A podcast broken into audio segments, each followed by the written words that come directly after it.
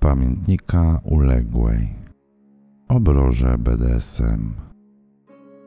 W BDSM chodzi o grę siłową, o ostre zabawy, bicze, chłostę, uległość, posłuszeństwo i oczywiście obroże. Są tego dużą częścią. Standardowe wyglądają jak typowe obroże dla psów, ale mogą zdziałać cuda dla Twojej seksualnej przyjemności podczas niejednej sesji BDSM. Każda obroża, która może być użyta do ograniczenia ruchów szyi i przepływu powietrza, można sklasyfikować jako obroże BDSM. Te przedmioty są przeznaczone dla osób, które są podniecone, gdy ich partner dominuje nad uległą i cieszą się, że mają niewielką lub żadną kontrolę nad seksem. Mogą być skłódką, pierścieniem lub łańcuszkiem, aby potwierdzić status uległej. Obroże BDSM są używane w zabawie na kilka różnych sposobów. Wykazanie uległości panu, będąc w obroży i na smyczy, jest oczywiście pierwszym i najczęstszym przypadkiem. Dla uległej bycie na kolanach w obroży na szyi jest piękne, tak jak i fakt, że to pan trzymał łańcuch lub smycz przytwierdzoną do niej. Jest to najprostsze ukazanie dominata i uległości, jak to tylko możliwe. Pan przez jedno pociągnięcie może przywołać sukę do porządku lub odpowiedniej pozycji. To wskazanie, kto ma władzę i kto rządzi. Niektóre kobiety noszą publicznie obroże BDSM, chociaż te, które mają być noszone publicznie, różnią się od tych używanych podczas sesji. Kolejną zaletą noszenia obroży jest poprawna postawa. Obroże są zwykle szerokie, więc nie możesz opuścić ani zgarbić głowy. Osoba, która nosi obrożę, musi cały czas trzymać głowę w górze i zachowywać wyprostowaną, pewną siebie postawę. Obroża zobowiązuje.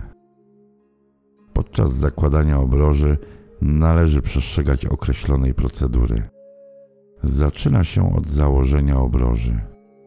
Dzieje się to zazwyczaj na początku nowej relacji dominującej i uległej.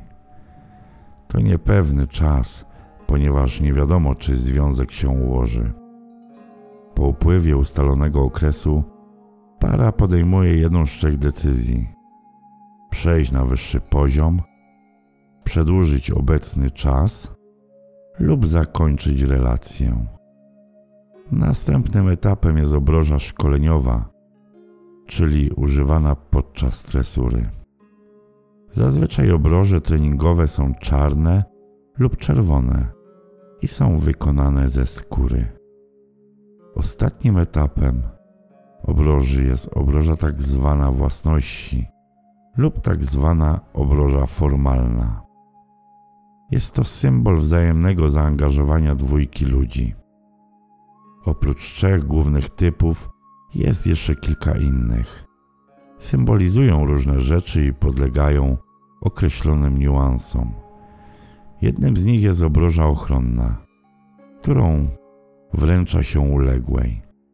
Na obroży znajdują się inicjały dominującego oraz litera P dla ochrony. Daje to osobie uległej bezpieczeństwo. Nie może podejść do nich inny dominat, jeśli pierwszy na to nie pozwoli. Konfiguracja dwóch dominatów i jednej uległej właściwie nie są rzadkością. Istnieją również obroże do zabawy i obroże niewolnicze. Pierwsze noszone są podczas sesji. Obroża niewolnicza jest trwała, co oznacza, że uległa nigdy nie może jej zdjąć bez zgody swojego pana. Jeśli dopiero zaczynasz zabawy w BDSM, nie wybieraj obroży z klamrami, ponieważ mogą być trudne do zdjęcia. Jeśli uległa zacznie się dusić, Możesz sobie wyobrazić, do jakich problemów może prowadzić majstrowanie przy sprzączce. Początkujący powinni wybrać obroże wykonane z rzepem lub innych materiałów, które można szybko zdjąć. Jeśli chodzi o rozmiar, warto zaopatrzyć się w regulowaną obrożę. Niektóre obroże, takie jak na przykład obroże wieczne, nie mają możliwości regulacji. Dlatego przed zakupem należy zmierzyć obwód szyi. Aby to zrobić, trzeba użyć miękkiej taśmy mierniczej i dodać około 2 do 4 cm do tej długości. Kupując obrożę dla uległej, zapoznaj się z pełną gamą produktów, aby znaleźć najlepszą opcję. Nie jest to absolutnie zakup, do którego należy się spieszyć. Większość obroży jest wykonana ze skóry, stali, gumy lub PCV. Pierwszy materiał jest najlepszy. Obroże publiczne mogą być wykonane z nylonu, bawełny lub neoprenu. Obroże BDSM można ozdobić gwoździami, ćwiekami lub kolcami. Czasami mają kłódki, haczyki lub paski. Najbardziej podstawowym typem jest przeciętna obroża dla psa. Zwykle zawierające metal i są one wykonane ze skóry. Ostrożnie trzeba nosić te z metalowymi kolcami. Są też obroże pierścieniowe. Wyglądają one jak nieusuwalne stalowe pierścienie. Niektóre mają kształt złoty lub perłowy. Oprócz spełnienia swojej funkcji w sypialni, mogą stanowić dodatek disneyski do ubioru. Obroże wiszące lub obroże typu halter są wygodne w noszeniu przez dłuższy czas, ponieważ szyja może się swobodnie poruszać. Opadają nisko z przodu, aby uzyskać dodatkowy estetyczny wygląd.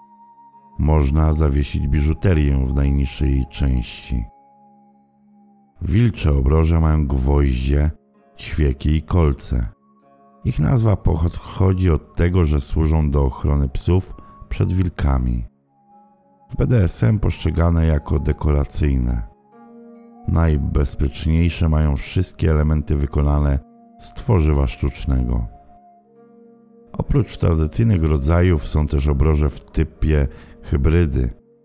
Są z mankietami, kneblami i innymi dodatkami. Są one najlepsze dla bardziej zaawansowanych praktyków. Często też kosztują więcej, ale jest to cena, którą warto zapłacić, biorąc pod uwagę, o ile więcej emocji mogą dodać do gry. Najpopularniejszym materiałem na obroże dzienne jest stal. Te obroże BDSM są proste, eleganckie i dyskretne. Taka perwersyjna mała tajemnica między wami.